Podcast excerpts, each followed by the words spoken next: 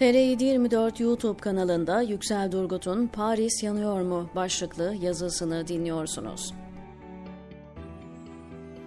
Almanya'nın yenilgisiyle sonuçlanan İkinci Dünya Savaşı'nın üzerinden neredeyse 80 yıl geçti. Savaşın seyrinin değişmesi Berlin'deki diktatörü rahatsız etmişti. Nazi işgali altındaki başkent Paris'in müttefiklerin eline geçmesini istemeyen Adolf Hitler, şehrin yok edilmesini emretti. Hitler, Paris'in askeri valisi General Dietrich von Choltiz'e verdiği emrinin ardından Paris yanıyor mu diye sormuştu. Bu emir daha sonra filmlere ve kitaplara konu oldu. Paris 1944 yılında tamamen yakılmadı, yıkılmadı ve yok olmadı.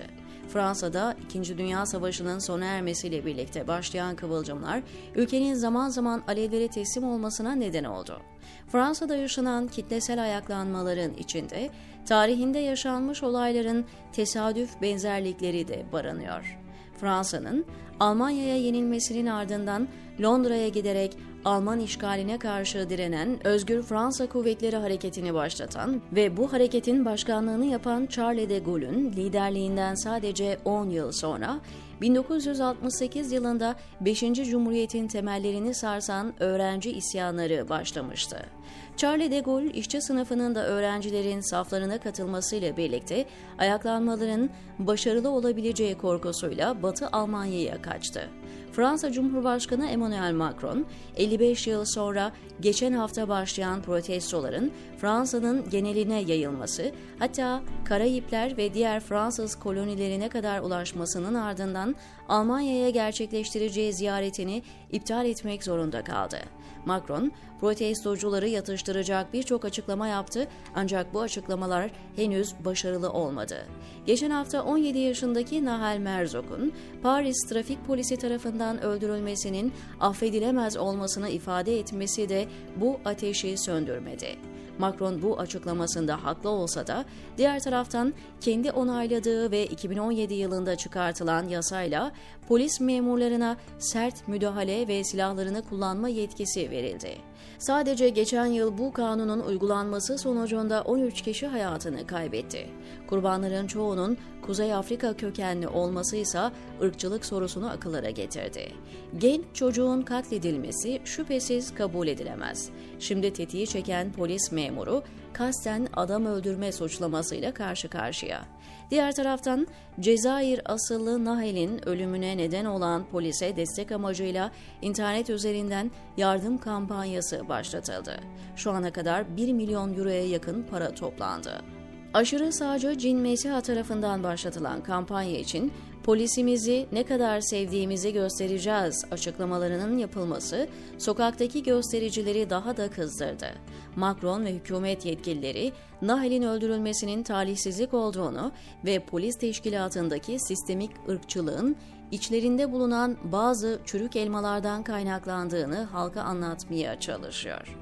Bu açıklamalar ırkçı vakaların sıklıkla tekrarlandığı İngiltere ve ABD gibi ülkelerdeki yetkililerin tepkisine benziyor. Geçtiğimiz hafta Fransa meydanlarında patlayan olaylar, Amerika'daki siyahların yaşamları değerlidir anlamına gelen Black Lives Matter hareketini yeniden canlandıran ve batıda büyük tepki çeken George Floyd olaylarının eşdeğeri olarak yorumlanabilir. Bu olaylar arasında benzerlikler olduğunu söylemek yanlış olmaz hem ABD'deki hem de Fransa'daki ani öfke patlamaları birdenbire gerçekleşen olaylar değil. Belki de aralarındaki tek fark Fransa'nın ırk, etnik köken veya din farklılıklarını resmi olarak tanımaması gerçeğinde yatmaktadır. Bu sistem bugüne kadar işe yaramış olsaydı eğer Alevler tüm ülkeyi şimdi olduğu gibi sarmazdı.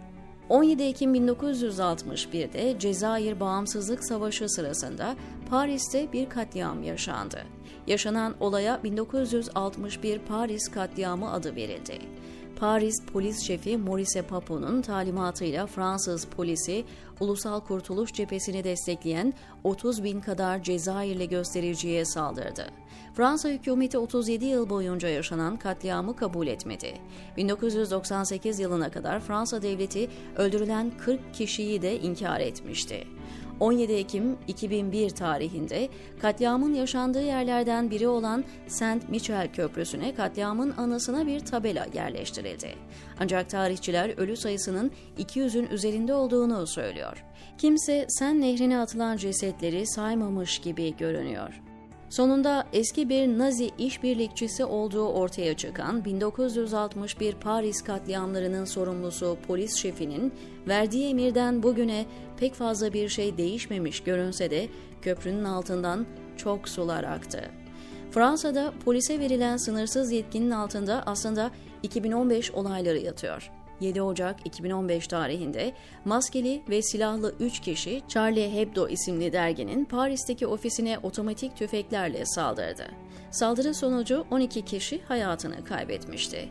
2015 yılının sonlarına doğru 13 Kasım 2015'te başka kanlı bir olay daha yaşandı.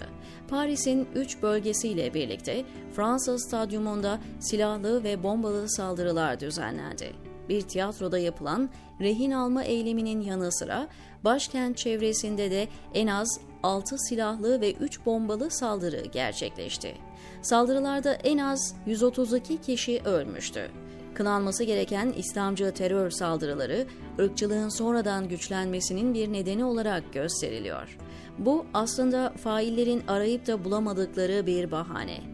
Nahel'in öldürülmesinden 18 yıl önce polis tarafından kovalanan iki genç Sen Sendoni banliyösünde elektrik çarpması sonucu hayatını kaybetmiş ve halk sokaklara dökülmüştü. Fransa'da bu tür olayların sürekli cereyan etmesi halkın kin ve nefretini dindirmiyor. Nahel'in öldürülmesi ilk kez yaşanmış bir olaydan ziyade uzun süredir devam eden bir öfkenin patlaması. Yükselen akaryakıt fiyatları ve yaşam maliyetlerini protesto etmek için sokaklara dökülen Sarı Yelekliler Hareketi'nin başlattığı 2018 sokak gösterileri ve ardından Macron hükümetinin emeklilik yaşını 62'den 64'e çıkarmasıyla yaşanan tepkiler yakın tarihte hem Fransa'nın hem de Macron'un başını ağrıtan olaylar. Fransız devriminin yaşandığı 1789 yılına kadar dayanan bu olaylar açıkça işçi sınıfını saf dışı bırakarak burjuva kesiminin daha da zenginleşmesini sağladığı için halkın tepkisini çekiyor. Aynı zamanda özgürlük, eşitlik, kardeşlik söylemleri 21. yüzyılda Fransız vatandaşlarını dışlıyor. Etnik kökene, dine ve ten rengine göre insanları göz ardı etmek bu patlamaların fitilini ateşleyen etkenler olarak ortaya çıkıyor. Adolf Hitler'in ölümünden bir asır sonra aşırı sağın yeniden yükselişi Avrupa'nın tamamında korku salıyor. Fransa'nın bir sonraki seçiminde Marine Le Pen veya Eric Zemmour gibi radikal yöneticilerin iktidara gelmesini düşünmek bile bu çatışmaların daha uzun soluklu süreceğini ortaya koyuyor. Fransa'nın Nantes şehrinin sokaklarında ayrımcılık karşıtı aktivist Güney Afrika Cumhuriyeti'nin ilk siyahi devlet başkanı Nelson Mandela'nın resimleriyle Alman ve İtalyan askerlerin İspanyol İç Savaşı'nda yaptıkları katliamları anlatan Pablo Picasso'nun ve yaşamı boyunca güçlü siyasi duruşuyla ülkesindeki ve İspanya'daki faşizme karşı direnen Pablo Neruda gibi birçok tanınmış direnişçinin isimlerinin yazılı olduğu tabelalara rastlıyorsunuz. Şehrin sokaklarındaki bu direnişin büyüsü ülkenin diğer banliyölerinin yakın tarihini yansıttığı gibi dünyanın paramparça hayallerinden çıkmış isimlerin mücadelelerini de içinde barındırıyor, diyor Yüksel Durgut TR724'deki köşesinde.